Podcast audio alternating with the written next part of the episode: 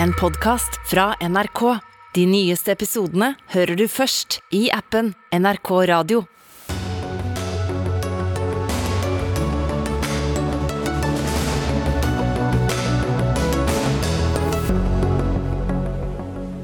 Dobbeltdrapsdømte Stig Millhaug er fortsatt på frifot. Frp vil at farlig innsatte på permisjon må ha fotlenke. Vi kan ikke overvåke mennesker til evig tid, sier organisasjonen Wayback. PST-sjefen går på dagen. Hans Sverre Sjøvold skal ha unnlatt å fortelle at han hadde oppbevart våpen ulovlig i sin redegjørelse til justisministeren.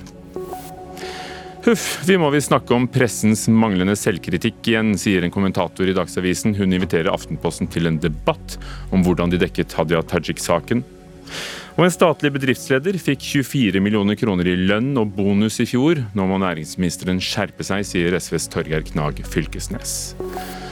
Og på dagen for Storbritannias overdådige, fargesprakende, høylytte feiring av dronning Elisabeth, får vi dronningens egen mann i Norge på besøk. Velkommen. Dette er Dagsnytt 18 i NRK P2 og på NRK1 med Ugo Fermariello i studio.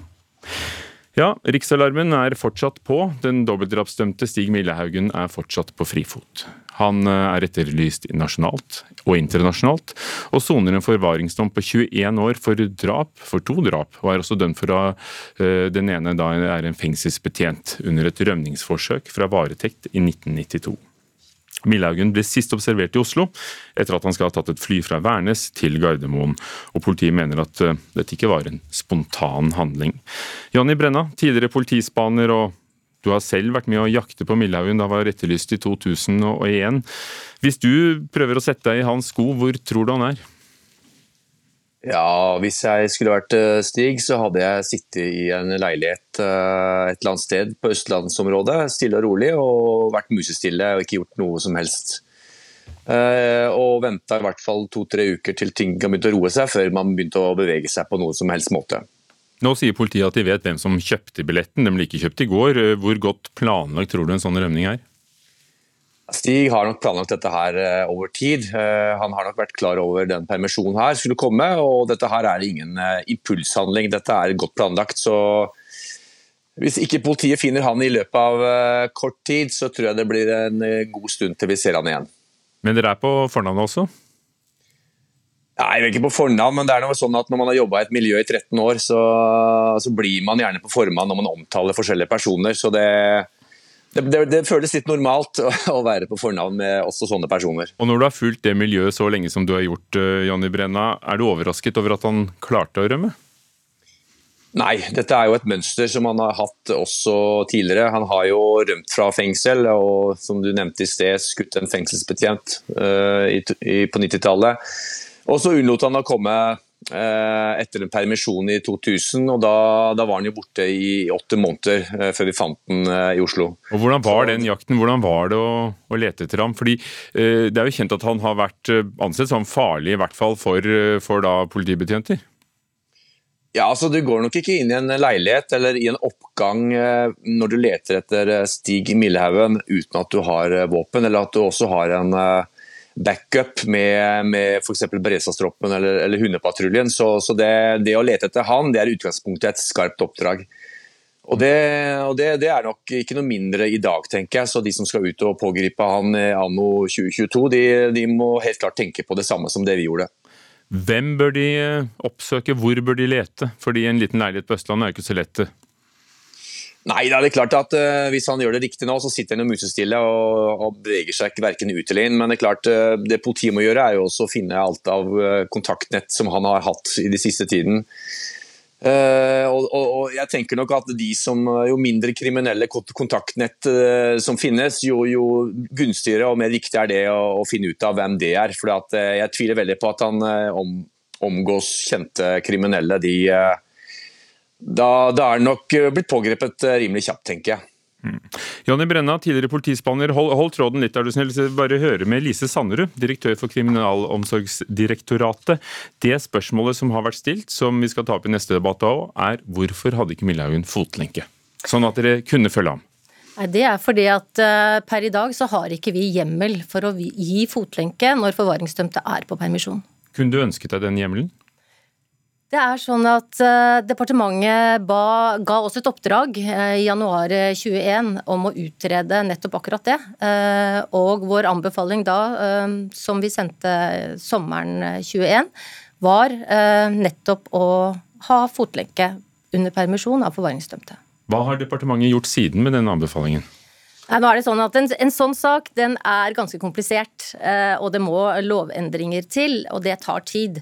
Så mm, vi Per nå så kjenner ikke vi til status i saken. Men her må... snakker vi altså om en, en eh, innsatt som er blitt ansett som farlig. Han har vært eh, borte for politiet før, i flere måneder, som vi hørte. Fins det ingen hjemler selv i de tilfellene for om ikke gi fotlenke, så nekte permisjon?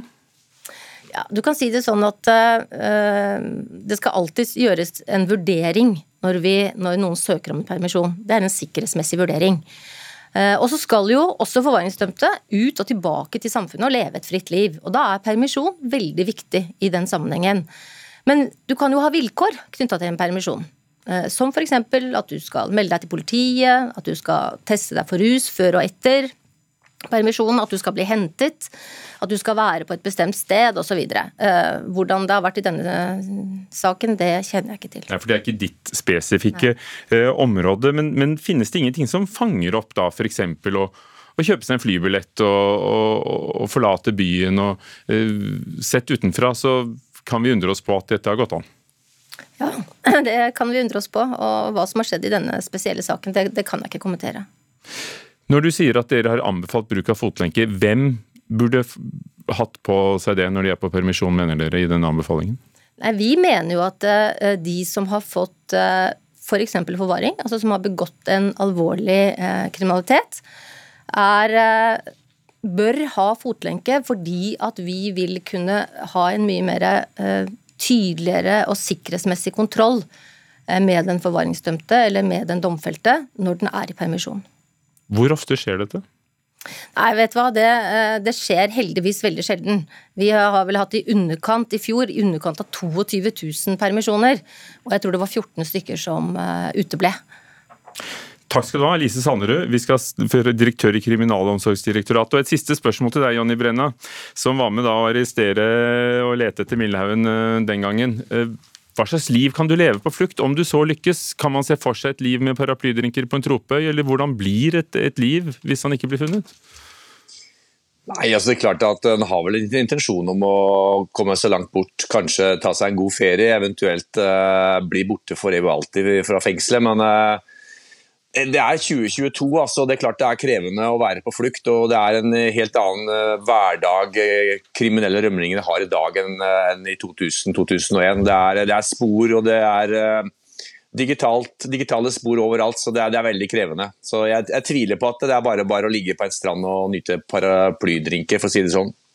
Takk skal du ha, Jonny Brenna, til deg også. Og da kom jo forslaget nå, i lys av denne saken, fra Fremskrittspartiet og Per-Willy Amundsen, leder i justiskomiteen, tidligere justisminister, om å pålegge GPS og fotlenke for farlige innsatte ute på permisjon. Mm. Per-Willy Amundsen, hva går forslaget ut på?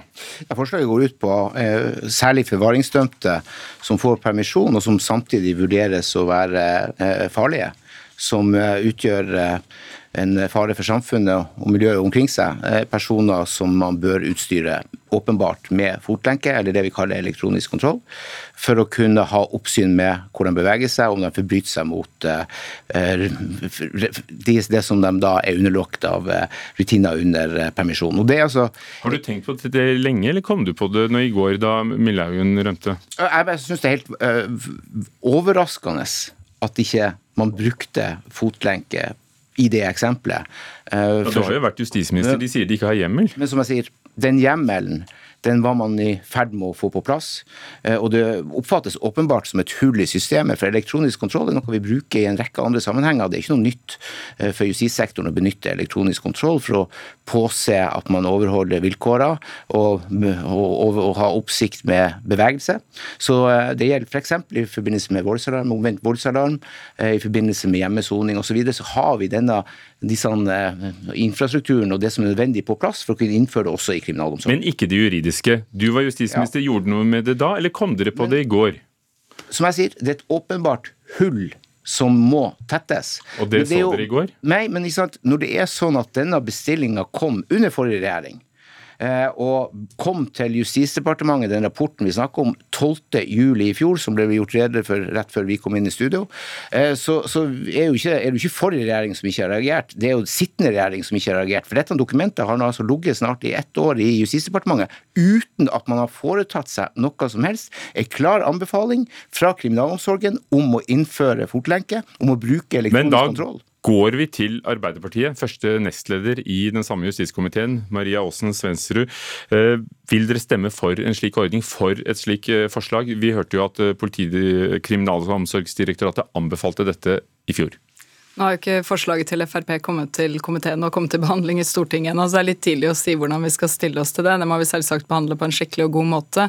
Det jeg er mer opptatt av, er at vi nå tar tak i de anbefalingene som KDI har kommet med. Kriminalomsorgen. Ja, og at vi eh, får satt oss godt inn i det og går en politisk runde rundt de innspillene som har kommet fra Kriminalomsorgsdirektoratet. Så vi vil lytte til Du vil gå en runde, men hva mener du selv? Nei, jeg mener at eh, noe av det som jeg, jeg tenker er veldig viktig, er at norsk straffegjennomføring det handler om et prinsipp om at folk skal tilbake til samfunnet. Gjennom rehabilitering og tilbakeføring så skal folk tilbake. Da kan vi faktisk ikke ha det sånn at folk skal sitte på høyere sikkerhet uten permisjon, uten mulighet til lavere sikkerhet. Da må man gå alle de trappetrinnene i det vi kan kalle soningstrappa for å få en myk overgang ut i samfunnet. Da skal vi også ha sikre og gode rutiner rundt permisjon. Og hvis noe av det som trengs for å få sikre og gode rutiner rundt permisjonsordninga er en GPS, ja da må vi gjøre en vurdering av det. Så har ikke jeg sett anbefalingene fra KDI, men jeg syns det er interessant, og jeg vil lytte til det. Men jeg syns det er noe prematurt midt i en pågående alvorlig sak som vi har nå. Folk sitter ute, er helt sikkert usikre og blir litt bekymra når vi har denne type brudd i kriminalomsorgen. At eh, Frp da hopper på og skal slå politisk mynt med tidligere justisminister til stede, skylder på sittende høre, regjering. Det er jo ikke å slå politisk mynt. Når man avdekker en åpenbar svikt, et hull, en mangel eh, i dagens regelverk, så må det tettes. Og Det her handler om samfunnsvernet. Det handler om behovet for å verne samfunnet fra potensielt farlige personer, kontra de rettighetene som du er opptatt av å gi de, de som skal tilbake på samfunnet på, på et eller annet tidspunkt. Poenget er det. Hadde Fremskrittspartiets politikk vært gjeldende, så hadde det aldri vært aktuelt med permisjon så tidlig i karrieren, holdt jeg på å si, som det var i tilfellet i går. Ja, altså, Fremskrittspartiet vil ha betydelig lengre strafferamme. Vi vil ha betydelig større Lenger enn 21 år? Ja, 50 år. Fremskrittspartiet er for Jeg 50 år. måtte minnes på det. Ja. Ja. Bare en kort kommentar til det, for det er litt interessant. For en av dine tidligere kollegaer og justisministre, i Kalmar tror jeg det var, han sa det at han synes ikke at drapsmenn skulle sitte på lavere sikkerhet. Det er en veldig spesiell holdning å ha, men det gjenspeiler litt den der tough on crime-retorikken som Frp liker å legge seg på. Jeg tror faktisk på faglighet. Jeg tror på at vi må lytte til den gode fengselsfaglige kompetansen som ligger i kriminalomsorgen. Så tror jeg vi skal lytte til Johan, for jeg tror Jeg- han kan en del om det òg. Til å si det, Den kompetansen har vi jo her. Eh, Johan Lote, eh, du eh, er leder i stiftelsen Wayback. Dere jobber med kriminelles tilbakeføring til samfunnet. Det er ingen hemmelighet at du selv har sittet inne. Hva tror du det ville gjort med folk på permisjon? Og Da snakker vi jo da de som da anses som har størst risiko for å, for å stikke av. da. Ja, For oss høres dette ut som en livstidsdom. Eh, Det virker som Fremskrittspartiet ikke er interessert at de som er dømt for alvorlige eh, forhold, skal komme tilbake til samfunnet. Vi er helt avhengig av en god progresjon. Vi er avhengig av å ha tillit til de domfelte. Vi ser i dag at de som er forvaringsdømte har store utfordringer med å få permisjoner. Og når de først får en permisjon, så er de på type tre timer, fire timer, fem timer uten overnatting. Det er ikke noe motivasjon for de domfelte å så gjøre det som skal til for å bli en god samfunnsborger. Så vi er helt avhengig av å få tillit. Det vet vi, at tillit gir gode samfunnsborgere, og det gjelder også de som er dømt for Men hvordan vil en, en liten elektronisk fotlenke eh, ødelegge for, for, for den veien tilbake? da? Fordi du, jo, du vil jo fortsatt få permisjonen, og kanskje, kanskje flere ville kunne fått den? da, For det anses det som sikrere? Det er noe med tilliten og motivasjonen. Eh, Nå har ikke jeg sett det forslaget, jeg heller, men jeg tenker om det er i forbindelse med en helt annen form for progresjon, så vil man kunne være villig til å se på det. I f.eks. en overnatting som ikke gis forvaringsdømt i dag, så vil det kunne være en del av det. Men det å være ute på tre-fire timers permisjon, det må være innenfor. Du kan stikke av med en fotlenke også. Beklager, men, men av og til så må man avveie noen hensyn. Og Fremskrittspartiet er i hvert fall opptatt av én ting. Å verne samfunnet fra potensielt farlige personer. Her snakker vi altså om en person det gikk riksalarm på. Da har man vurdert personen som farlig. Jeg skal ikke sette meg opp i den vurderinga, men det er åpenbart at man fra myndighetene har vurdert eh, han som en farlig person. Og når man da er mer opptatt av å ivareta hans rettigheter på den ene sida enn å sikre samfunnet, sørge for at, at, eh, at, mennesker er trygge i kongeriket, da er det i hvert fall ikke den vurderinga vanskelig for meg. Og det er riktig, noen personer er faktisk så farlige at de bør aldri komme tilbake i samfunnet. Det skal jeg være ærlig på. Her snakker vi om én person, og her snakker vi da som ilegger veldig mange andre en restriksjon som jeg finner helt urimelig. Eh, at én person, én hendelse skal legges til grunn for å legge så strenge eh, betingelser til grunn for å få en progresjon i soningen. Men da kom det også en anbefaling i fjor fjor fra Kriminalomsorgsdirektoratet som vi hørte, som gjerne vil ha den anledningen. De ønsker å ha den muligheten, men vi tenker ikke at det er rette måte å gå frem på. Marianne Aasen Svensrud. Maria, ja. Nei, Unnskyld, jeg... Jeg vet det. Jeg tenker at uh, her kan vi godt tjene på å senke skuldrene litt, og så ta ned tempoet litt i debatten. Det som er viktig, og det har du helt rett i, Per-Willy, det at vi skal ha et trygt og godt samfunn, sikre folk uh, gode rammer, det er viktig. Men uh, I tempoet har det vært ganske langsomt hvis denne anbefalingen kom allerede i fjor. Nei, men Jeg tenker mer på tempoet i denne debatten. altså At vi legger lista så innmari høyt. Vi sitter her og snakker, plutselig skal vi ha 50 års livstid. Sånn. Det er ikke det det er her det handler om. Dette handler om å ha gode, forsvarlige rutiner rundt permisjonsordninger. Og Arbeiderpartiet, vi sier det. Vet du hva, Vi er villige til å se både på forslaget til Frp, villige til å lytte til det KDI sier, men jeg syns også at Johan kommer med veldig gode perspektiver fra de innsatte. Hele målet med straffegjennomføring det er at folk skal være mindre kriminelle når de går ut av muren enn det de var når de ble satt inn. Da må vi jobbe på en god og konstruktiv måte. Permisjon er veldig viktig i det arbeidet, og da skal vi sørge for at vi ivaretar den tilliten som de innsatte trenger, men vi må også sørge for sikkerheten utafor murene. Men på den måten mener jeg da kan vi senke skulderen litt, så kan vi diskutere ordentlig med hverandre og ikke hive opp worst case scenario. Da fortsetter vi den diskusjonen. Per-Willy Amundsen. Ehm, det virker som om Høyre vil fremme et lignende forslag. Dere vil fremme det. Eh, er dette bare det at du innser da at dere får ikke til strafferamme på 50 år og, eh, og permisjonsnekt? Altså dette er for dere. Mm det minste av to onder å, få fotlenke? Vi søker begge deler. Vi ønsker å ha betydelig strengere strafferamme enn det som er tilfellet i dag. Det er Fremskrittspartiets politikk, og der er vi nok ganske isolerte dessverre. fra det ja, men, men, det er ikke den diskusjonen vi har i dag. Korrekt. Men uavhengig av det, så vil jo permisjon være en aktuell problemstilling uansett strafferegime. Og det er klart at, uh, at man har den muligheten for å utstyre personer som vurderes som svært farlig, med uh, fotlenke, det mener jeg burde være Tror du du får med Stortinget på dette? Vet du hva, Jeg er faktisk ikke så usikker på at vi kan oppnå noe her i Stortinget, og at vi faktisk kan komme videre. Jeg har i hvert fall håp for at flere støtter forslaget fra Frp.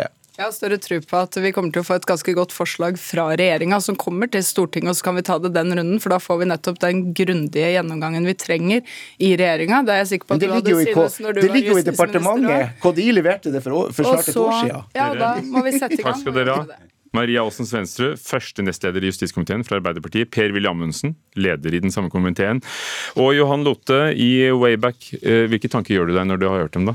Nei, Jeg blir litt skremt, eh, for uansett så skal disse personene tilbake til samfunnet. Jeg er litt engstelig for at eh, denne elektroniske fotlenken kan videreføres, slik at man reduserer den menneskelige kontakten med de som skal ut, og at det kan få ytterligere konsekvenser. Så jeg er veldig skeptisk til en sånn ordning, men jeg er ikke 100 mot det hvis det kan medføre at man får lettere permisjon og lettere progresjon. Og med det, takk skal dere ha.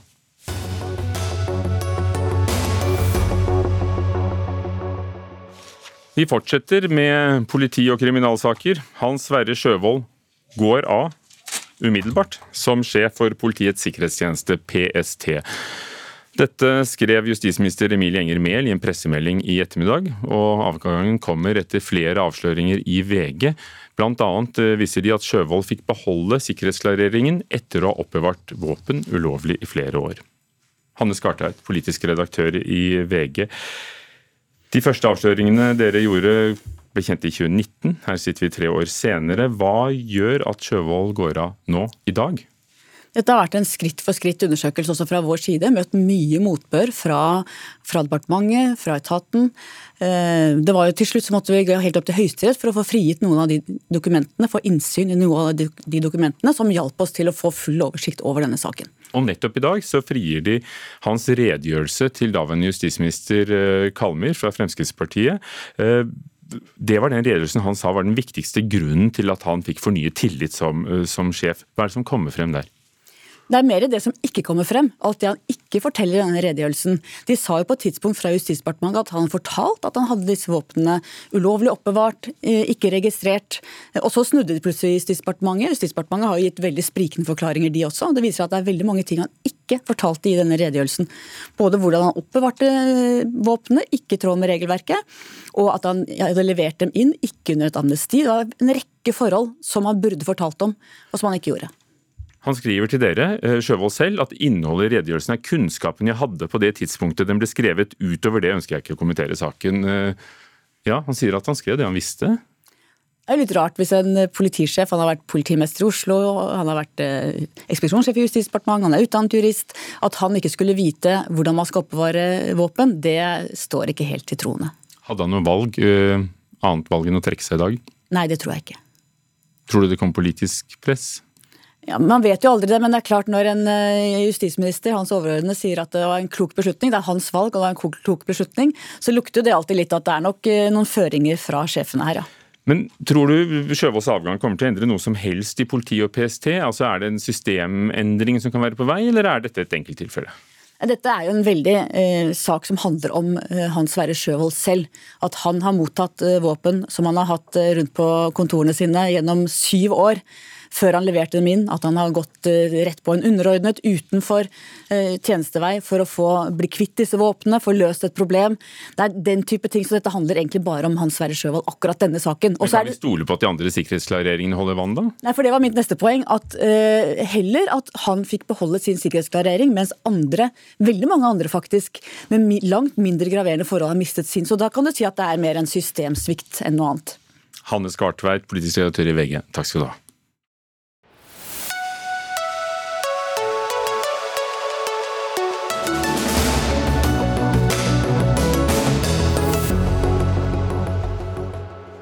Det begynte i dag med en historisk feiring foran Buckingham Palace i London. Et, flere hundre tusener tilreisende til hovedstaden. Platinumjubileet. Dronning Elisabeth 2. blir feiret, 70 år på tronen. Og så er det den offisielle bursdagsfeiringen i dag, 96 år gammel. Gry Blekastad Almås, vår korrespondent, du står ved Buckingham Palace. Hvordan har dagen vært? Nei, det har vært en helt, eh, helt spesiell dag, og folk jeg har snakka med eh, kjenner også den historiske susen denne dagen har. Altså Et platinajubileum har aldri blitt feira før. 70 år på tronen er eh, formidabelt. Og som vi ser her, folk er på ingen måte ferdig med festen, selv om det er fire timer siden dronning Elisabeth selv forlot slottsbalkongen på Buckingham Palace bak her. Det var eh, de som sto på balkongen. Hun sto der, kom og gikk. Prins Charles. Hvem sto ikke på balkongen i år?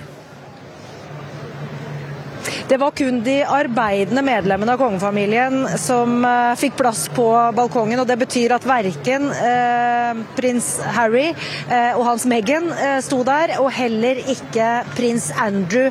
Han er det kommet frem nå i ettermiddag har fått covid, så han kommer heller ikke til å være i, til, i, til, stede i St. Pauls-katedralen i morgen, når det skal være en takkegudstjeneste for dronningen. Der var det meningen at han skulle være med, men nå må han altså holde seg hjemme og i isolasjon pga. covid. Nå står det jo blant uh, titusener av, av, mennesker. Gjør denne feiringen, altså det er to helligdager som er blitt gitt til, til folket, gjør det noe med stemningen i hele landet? ja, det er en Altså, her nede har det kokt, virkelig kokt, eh, helt siden de veldig tidlige morgentimene og gjennom natta også. Da var ikke jeg her, men det er jo mange som hadde overnatta i telt eh, og forsøkt å sove, men kanskje heller eh, tatt seg en drink og tatt seg en fest rett og slett gjennom natta her for å få med seg denne historiske dagen. Så alle som har tatt turen hit, har jo opplevd noe som er helt utenom det vanlige. Men det er klart at det er mange som også har benytta seg av disse ekstra fridagene til å reise bort, ta seg en liten ferie.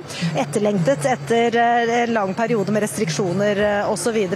Men så skal det jo også være mange små feiringer i nabolag rundt omkring i, i hele Storbritannia, med gatefester og, og den typen mer lokale initiativ.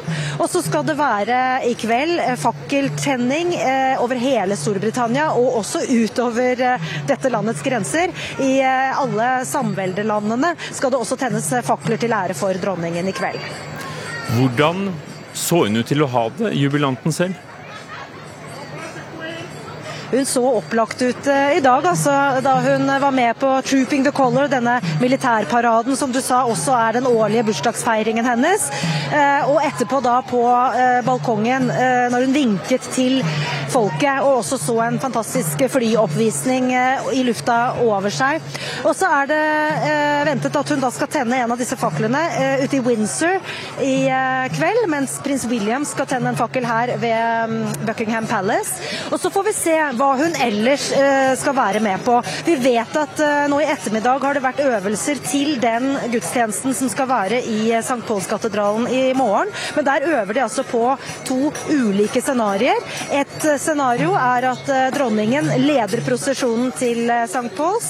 Et annet scenario er at prins Charles gjør det, i tilfelle dronningen ikke kommer. For det Buckingham Palace har sagt, er at de vil bekrefte helt inn til liksom i siste liten hvorvidt dronningen skal være med på de ulike arrangementene gjennom disse fire dagene, eller ikke. Men så er det en annen liten ting da, som var i nyhetene i, i Storbritannia i morges, og ikke så liten heller. Det er flere konservative politikere som går ut og krever Boris Johnsons avgang. og Så er spørsmålet om de får nok brev til denne komiteen innad i partiet. Men da sier Priti Patel, innenriksminister, Hold munn, glem dette. Nå er det bare dronningen. Blir det brukt litt politisk til å overskygge ulminger i partiet? Jeg tror nok det er et ønske om at det er dronningen som skal være hovedperson gjennom disse fire dagene. Eh, men det er klart at det er, eh, er noe man også bruker politisk. Vi har jo sett at eh, regjeringen skal komme med et forslag om å gjeninnføre gamle vektenheter, altså ouncer og pund istedenfor kilogram.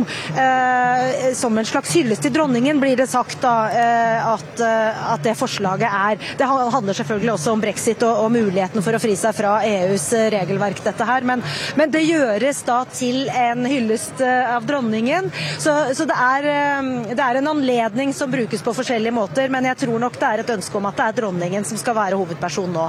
Og det hører vi at hun er. Gry Blekastad Almås utenfor Buckingham Palace blant uh, hoiende og trommende masser. Takk skal du ha. Richard Wood, Hennes Majestet Dronningens egen ambassadør til Norge. Hvordan er hun? Du har møtt dronningen ved flere anledninger. Ja, um, hun møter alle ambassadører før de drar utenlands. og så Jeg snakket med henne om Norge og hennes erfaring, erfaring med Norge. Og um, hun, hun, har vært på uh, 260 utenlandsreiser til mer enn 100 land. Hun har veldig veldig erfaren med mye um, kunnskap om, uh, om, verden. Så hun, det var veldig interessant. Han, uh, hun vet veldig mye om Norge. Du har jo selv fulgt henne på en reise i, i Sør-Afrika. Du har uh, mange år bak deg som diplomat. Hvordan er det å ha dronningen som et bilde som skal vi kalle en merkevare på Storbritannia? Ja. Jeg var veldig overrasket uh, i Sør-Afrika, fordi uh, det er samveldsland, men um, likevel uh, var det Eh, hundretusenvis av mennesker på gata fordi hun er kjent i hele verden. Så hun er en veldig sterk symbol for Storbritannia. Og um, det er uh, en fantastisk uh, hjelp for meg, f.eks. når jeg um, forsøker å, uh, å uh, selge uh, britisk ting til, uh, til, Norge. Vi kan bruke monarkiet som symbol for Storbritannia, så det er veldig, veldig viktig for oss. Et lite innsmett. Hvordan blir det å selge ting fra Storbritannia hvis vi skal kjøpe de ounces og pounds hvis det blir gjeninnført? Vi får se om det kommer eller ei, men de fleste briter vi bruker begge deler. pounds og ounces og kilogram, så det Ja, jeg vet ikke. Det var bare en lite sidespor. Hvilke fordeler Richard Wood, er det å ha et monarki som statsform, som du ser det? Um, det er um, i Norge og Storbritannia også uh, ulike meninger om uh, monarkier er det, det, beste systemet. Um, men for oss i dag, uansett uh, hvilken mening du har om monarkiet, det er om person um, selv, om dronninga. Og um, det er ingen som som ikke vil si at hun har hatt en veldig, veldig lang, et veldig langt liv med tjeneste til, um, til, landet. Så akkurat nå er alle enige om at uh, monarkiet har uh, tjent oss veldig godt. Og du har på deg en flott, uh, et merke på jakkeslaget med, for The Platinum Jubilee? Ja, vi har hagefest neste uke. Er det en følelsessak også? Bare, det handler ikke bare om statsform og, og feiringer, det handler om følelser og kultur? Ja, for de aller fleste Så det er alt vi har Mora mi var ni, seks år gammel da Elisabeth ble dronning, så i flere generasjoner nå det, har hun alltid vært um, Eh, til stede. Eh, og, så det er en, et sterkt symbol for kontinuitet og stabilitet i landet. Men hun er 96 år gammel. Ja. Prins Charles overtar gradvis rollen som eh, monark. Vi så det i dag på balkongen. Hvordan tror du denne forandringen vil oppleves? Akkurat i dag snakker vi ikke om hva kommer etterpå. Richard Wood, Her Majesty's Ambassador til Norge, takk for at du kom. Tusen takk.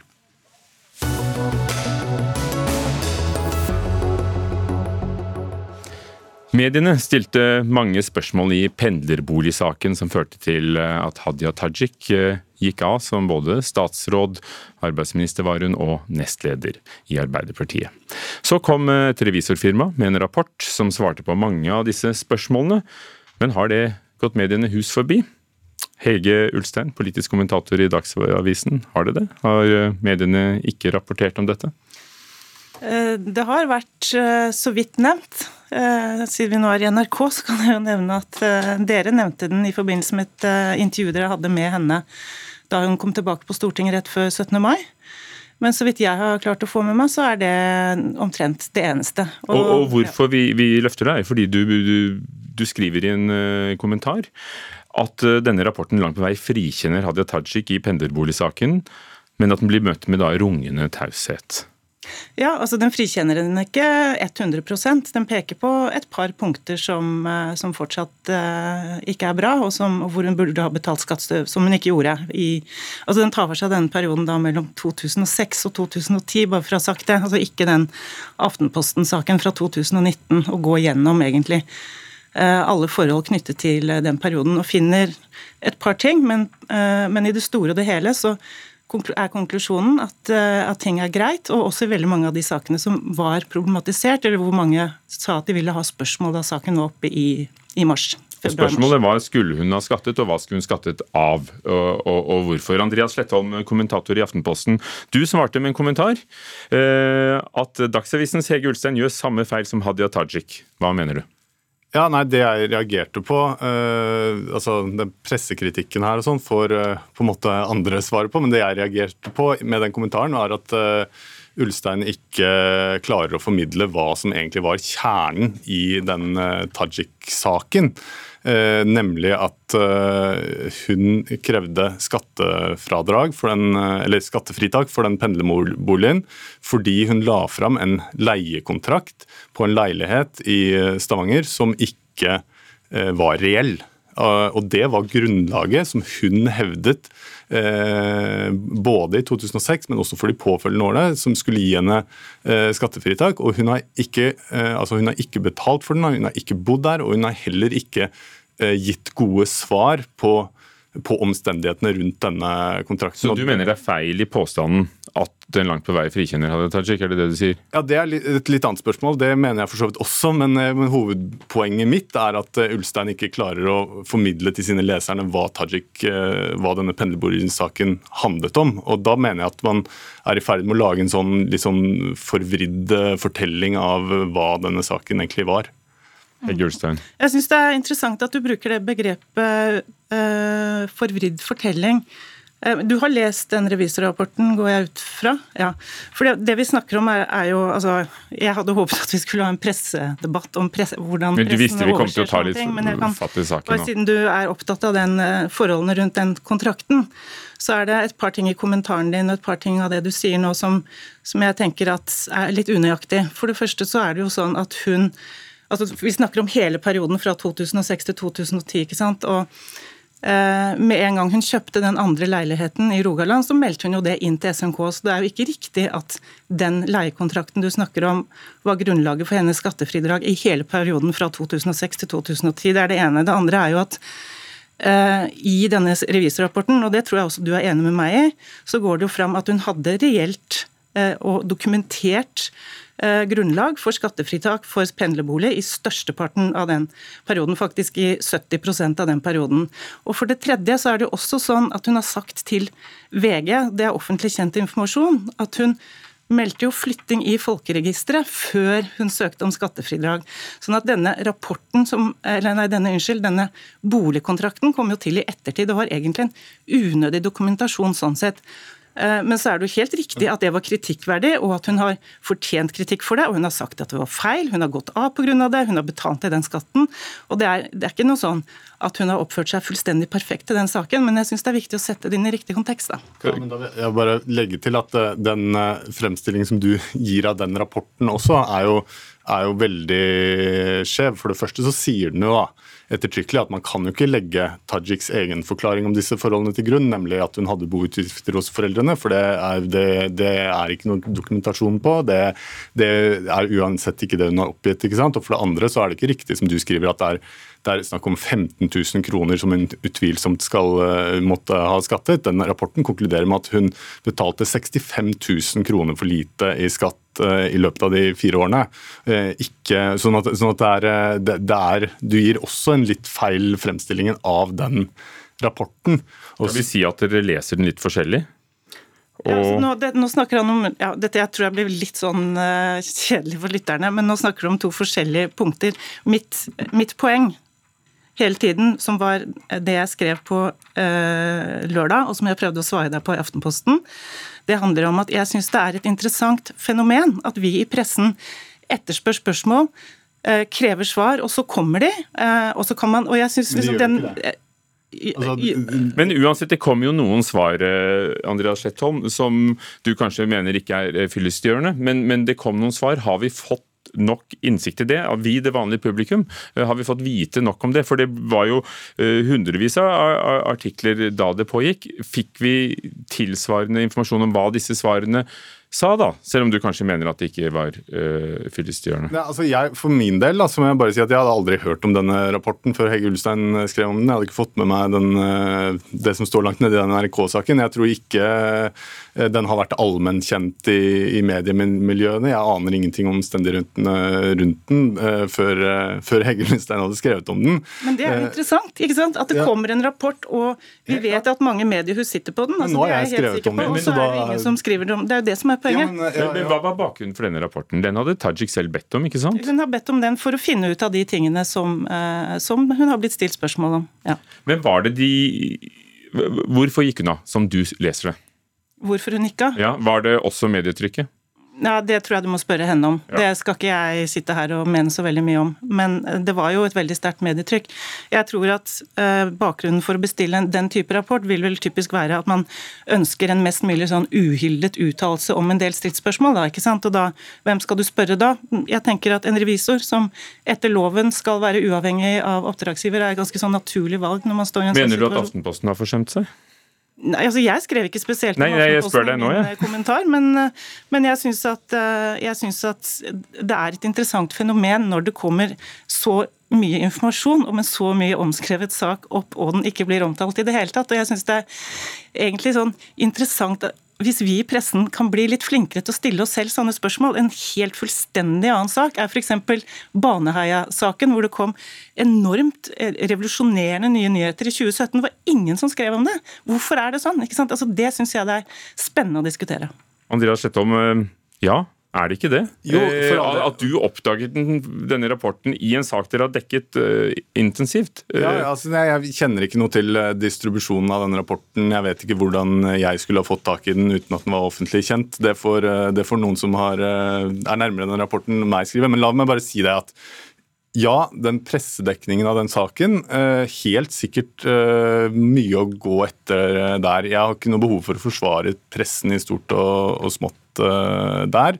Og det er også en del av de eh, sakene som ble laget da, som ikke var så veldig vesentlige, og som denne rapporten eh, er innom. Men hovedessensen i saken handlet om den grunnlaget hun ga for å få skattefritak, og det berører ikke den rapporten i det hele tatt. Jeg er ikke enig i det. Jeg mener at den rapporten adresserer mange ting som var oppe, f.eks. Anklager om illojal skattetilpasning som den avviser. sånn at Jeg Jo, tror vi skal gå, avslutte med at du sier at du ikke er enig i det. Og så finnes nå rapporten og deres kommentarer. Takk skal dere ha. Hege Ulstein, politisk kommentator i Dagsavisen, og Andreas Slettholm, kommentator i Aftenposten.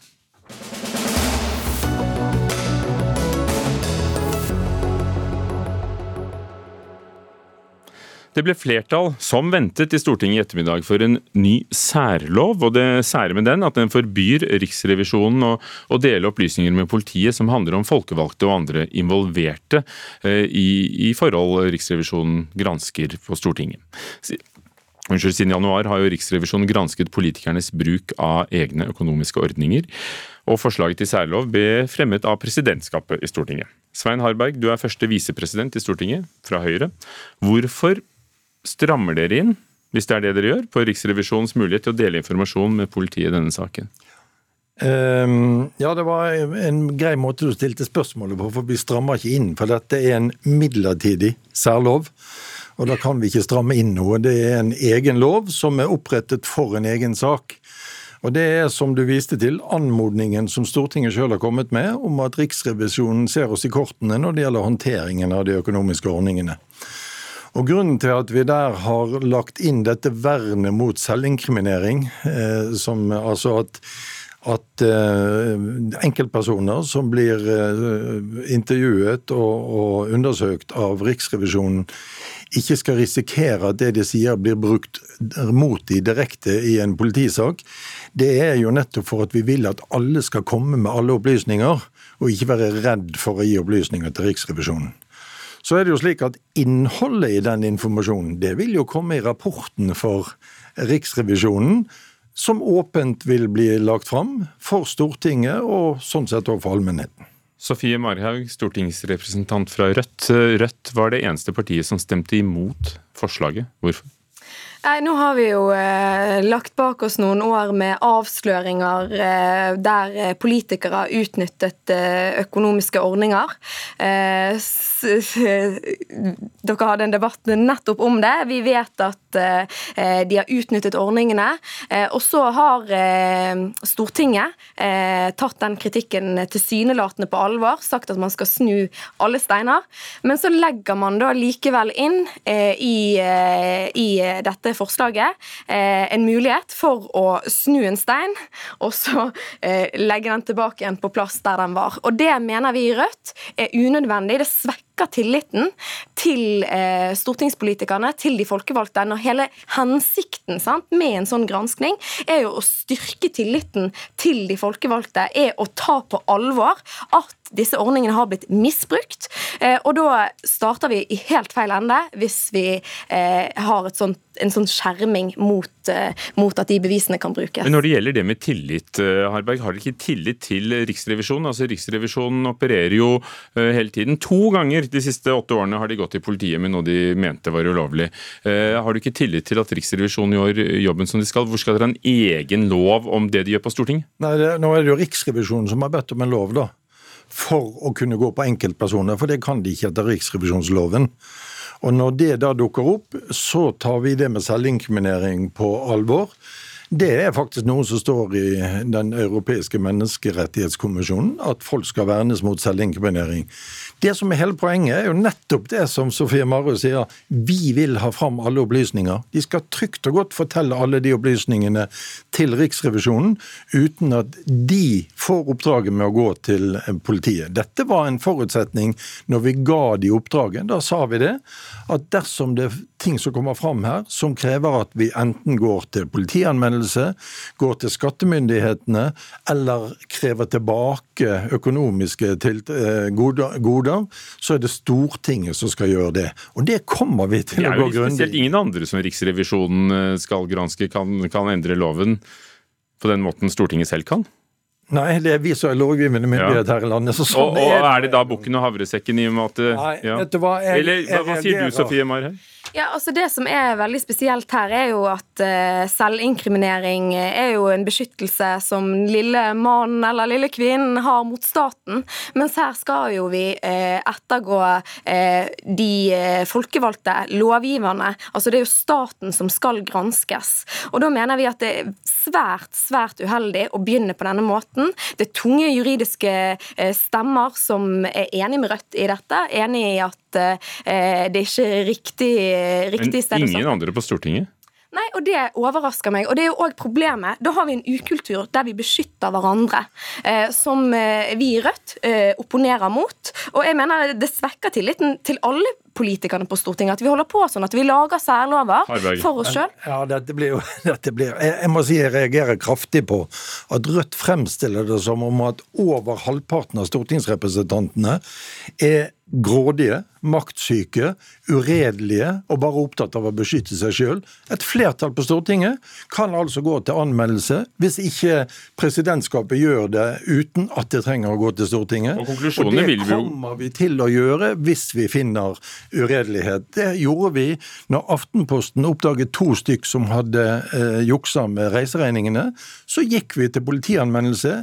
De er anmeldt, og de er straffet. Sånn gjør vi det. Og det er slik at stortingsrepresentanter er redelige, hardtarbeidende representanter som prøver å gjøre alt riktig. Jeg vet ikke hvordan det er i Rødt, men sånn er det i hvert fall i de andre partiene. Altså, jeg, Her dikter jo Harberg opp sitater som jeg ikke har kommet med. Jeg er helt sikker på at de aller fleste stortingsrepresentanter er redelige og gjør, eh, gjør så godt de kan. Eh, men det hender jo at man gjør feil, eh, og det hender at man òg gjør feil med vilje. Og, og denne tilliten her skal jo, skal Denne loven skal jo sikre at, at Riksrevisjonen får tilgang til folk og opplysninger og papirer. Ja, og Derfor forstår jeg ikke hvorfor man skal ha dette vernet mot å bruke bevis hvis det uansett skal anmeldes. Det er jo en veldig merkelig regel, et veldig merkelig unntak å gjøre for seg sjøl. Og da kan jeg ikke forstå noe annet enn at det svekker tilliten Men, til eh, de folkevalgte og til eh, politikerne. Men det går jo ikke for at vi ikke kan bruke bevis, det går at Riksrevisjonen ikke kan bruke de. Men Stortinget kan bruke all den informasjonen til å gå videre med det. Ja, hvorfor tror du ikke på at Riksrevisjonen hadde gjort det på en nennsom, korrekt, juridisk holdbar måte? Fordi at den som skal anmelde sånt det er Stortinget. Stortinget skal anmelde seg selv. Nei, Stortinget skal anmelde seg sjøl hvis det er nødvendig. Stortinget skal anmelde representanter dersom de har misbrukt ordningene. Og det stoler jeg på at Stortinget gjør. Det har vi vist i de andre sakene vi har hatt. Og med det, takk skal dere ha. Svein Harberg eh, fra Høyre i presidentskapet og Sofie Marhaug fra Rødt.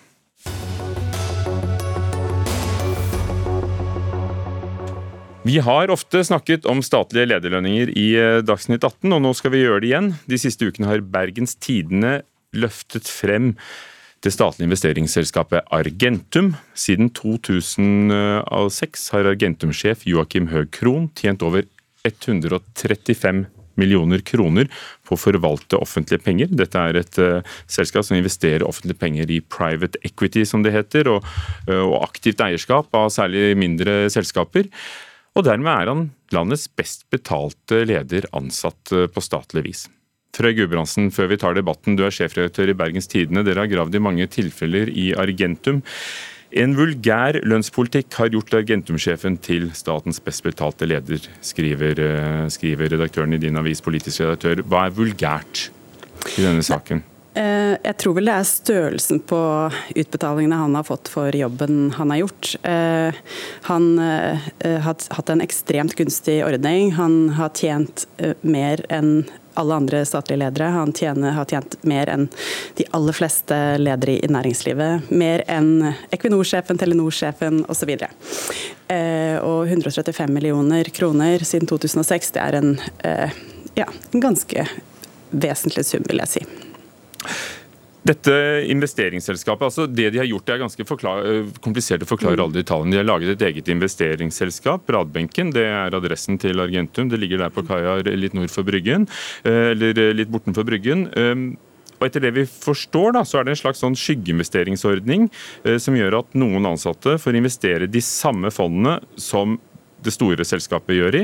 og Hvordan har dette foregått? Kan du forklare det for oss? Ja, altså I det selskapet da, og ordning, Begrunnelsen for denne ordningen er jo at de ansatte skal tjene på at Argentum gjør det bra.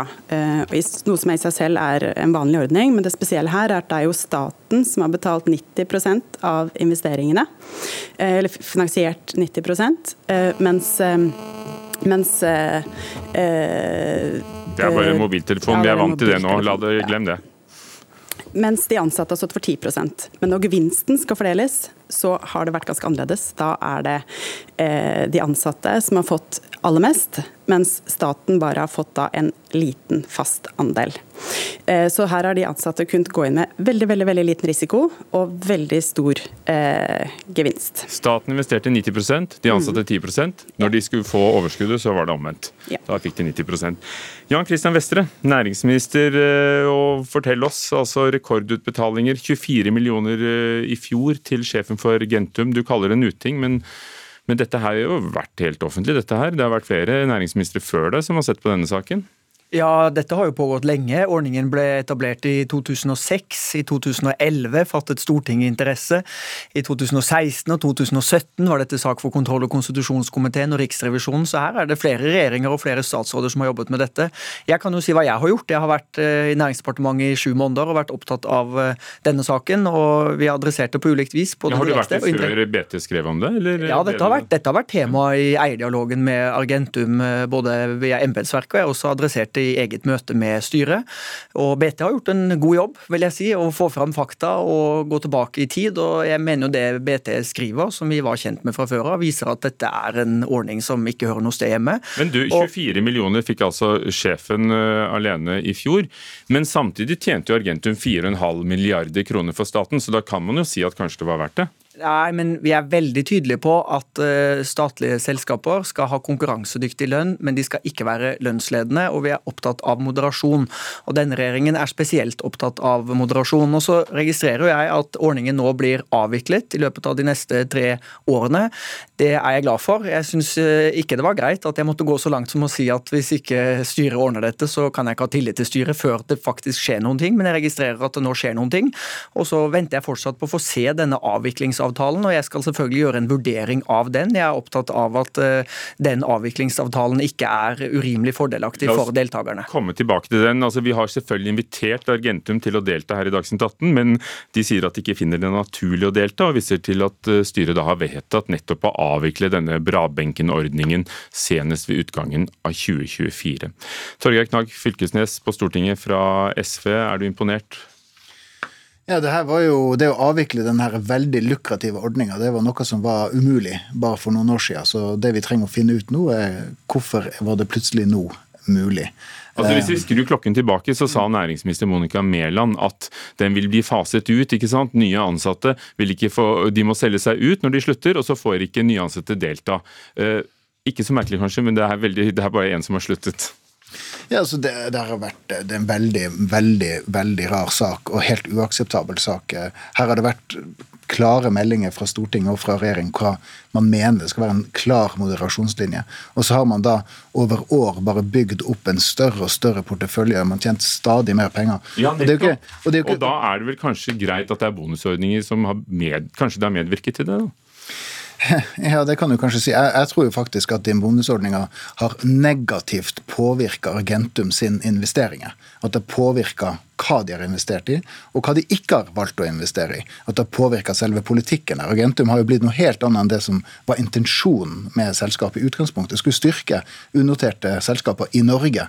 Nå har de blitt en, en, et uh, selskap som investerer i store deler av verden. Og Det som er så spesielt med den lønninga som, som lederne her har, det er jo at de tjener jo ikke De er jo ikke bare lønnsledende i, i, blant statlige selskaper, de er jo lønnsledende blant uh, alle kapitalforvaltningsselskaper. Ikke bare i Norge, men i Norden. Altså Her har virkelig vært en, en, en, en, en lønn som bare tatt fullstendig av, og ikke til, til, å sammenligne med noen andre steder. Så det er helt uakseptabelt. og Vårt poeng her er at uh, hvorfor skal man gi styret nok en sjanse? Altså Her har de da, uh, Flere av de som sitter i styret, har sittet der i mange mange år. Uh, har ikke lytta på signaler som har vært sendt. Hvorfor, hvorfor er det fortsatt en tålmodighet? Ja, Nå må vi ta én ting om gangen, da. som ja, men, sagt. Men ta det spørsmålet, ja. Uh, ja. Men det, det, det, er nettopp det vi gjør. Det, det, er ikke noen sånn quick fix-løsninger her heller. Er det, sånn, Vestre, at Jeg kan vel svare på spørsmålet. Ja, ok da. Ja, uh, vi, avtalen er nå inngått mellom styret og deltakerne, som innebærer at den blir avviklet skal vi sette oss inn i hva den avtalen betyr, for å vurdere den. Men nå er det det som er vårt hovedfokus. Og så har vi i tillegg adressert både til Argentum og til en lang rekke andre selskaper, senest på generalforsamlingene i år gjennom protokolltilførsler, at vi forventer moderasjon. Og vi har også vært tydelige på at vi ny eierskapsmelding, for dette må faktisk behandles i Stortinget. Det er Stortinget som bestemmer prinsippene for eierskapsutøvelsen. At vi kommer til å ha betydelig høyere forventninger til moderasjon framover. Men det, er, det tar altså litt tid før vi får alt dette på plass. De sier de skal selge ut ca. 30% i året. Eh, vil det da være sånn at de ansatte fortsatt får 90% av den gevinsten, eller skal de klare seg med de 10 de, de investerte selv? Det er en av de tingene jeg skal vurdere når jeg ser eh, avtalen. Men nå har de valgt å gjøre det selv, de som da eier dette Brabenken-selskapet. Hvis de ikke hadde gjort det, kunne de tvunget dem? Fordi dette er jo et juridisk selskap. Det ble opprettet i full offentlighet. Eh, ja, Kunne du faktisk tvunget dem, eller er det sånn at du kanskje hadde vært sittet fast med det? Det er jo en avtale som er inngått mellom et selskap og eh, privatpersoner. og Da er det jo kontraktsretten som eh, avgjør det. Jeg registrerer i dag i BT at det er ulike juridiske synspunkter på det. Men istedenfor å gjøre en teoretisk øvelse ut av dette, så er jeg opptatt av at vi skal levere resultater. Nå har vi levert første resultat. Det er at ordningen som man nå har diskutert i over ti år, faktisk blir avviklet. Så skal jeg bruke tid til å sette meg inn i hva denne avviklingsavtalen betyr, for å vurdere om den er rimelig eller urimelig. Og så får vi eventuelt komme tilbake til da andre tiltak. Frøy Gudbrandsen, sjefredaktør i, i Bergens Tidende. I ettermiddag skriver dere at Argentum nekter næringsministeren å se en omstridt avtale. Hva, hva ligger i det? Nei, altså I pressen er vi jo ganske godt vant med å ikke få tilgang til dokumenter. og I denne saken her er det jo helt sentrale dokumenter som ikke vi har fått tilgang til, selv om det er fullt mulig å gi oss tilgang til det. Det som er litt mer oppsiktsvekkende, er jo at også næringsministeren nektes innsyn. Altså eieren av selskapet nektes innsyn i avtalen som sier noe om hvordan dette selskapet skal avvikles. Og det, eh, det, mener jeg at det kan de bare ikke godta. Altså at eieren ikke får se det. Kan du leve med det, Vestre? Eh, nei, altså jeg mener det er helt feil. Eh, vi eier dette selskapet. Og det er sant at du ikke får sett alt? Ja, foreløpig så har ikke jeg sett denne avtalen, men jeg slår meg selvfølgelig ikke til ro med det. Så det skal vi nok komme tilbake til ja, på egnet måte, som det heter. Jeg må jo berømme tålmodigheten til næringsministeren her. Eh, og det, jeg synes det, jo, eh, altså det er veldig bra at næringsministeren nå eh, går ordentlig inn i dette. her, og Vi har også starta et sånt type arbeid på Stortinget. Kontrollkomiteen går nå inn i, i saken. Vil kreve innsyn i eh, både avtaler, eh, hvordan dette har kommet i stand, hvordan kommunikasjonen har vært mellom departementet og selskap, eh, statsrådenes rolle gjennom tid osv. Bare for å få avdekket hvordan kunne vi havne her. Men du, men du mener at han burde avskjediget styret nå, du? Altså, altså, Når man har så klare signaler som overses i så mange år ja, Jeg syns svaret på det er ganske åpenbart, eh, rett og slett. Altså, hvordan, hvordan, kan vi utstyre oss med selskaper som, med styrer som ikke følger opp signaler fra storting og regjering, som er deres eiere? Altså, for meg er det helt ubegripelig. Kunne du tjent noe på å skifte til styre? Altså, jeg har eh, tillit til dette styret helt til jeg ikke har tillit til det lenger. Men jeg må bare igjen si at nå har det jo skjedd veldig mye her. Altså, Her har skiftende regjeringer forsøkt å adressere dette i lang, lang tid. Nå blir ordningen avviklet. Jeg har foreløpig ikke sett den avtalen som beskriver avviklingen. Jeg vil først se avtalen, så skal jeg vurdere innholdet i den. Er dette rimelig? Er det urimelig? Det kan vi som eier sa, ja. leve med det? Og hvis vi ikke kan leve med det, vel, da får vi ta konsekvensen av det. Frøy Gudbrandsen, er du glad dere begynte å jobbe med saken? Jeg syns dette er veldig greit, at dette har blitt kjent for offentligheten. Hva som har skjedd i dette selskapet her. For, for det har skjedd mye siden dere skrev den første artikkelen. Ja, det har skjedd ganske mye, og det skjedde faktisk litt raskere enn vi hadde forventa, gitt at dette har vært en sak som har vært på ganske mange menneskers spor før. Takk skal dere ha, alle sammen. Frøy Gudbrandsen, sjefredaktør i Bergens Tidende, Torgeir Knag Fylkesnes fra SV, Jan Christian Vestre, næringsminister fra Arbeiderpartiet. Det var eh, Dagsnytt 18. Ida Laral Brenna var teknisk ansvarlig. Gro Arneberg var eh, produsent og ansvarlig for det hele, egentlig. Og Ugo Fermarello, programleder. Takk for oss. Du har hørt en podkast fra NRK. De nyeste episodene hører du først i appen NRK Radio.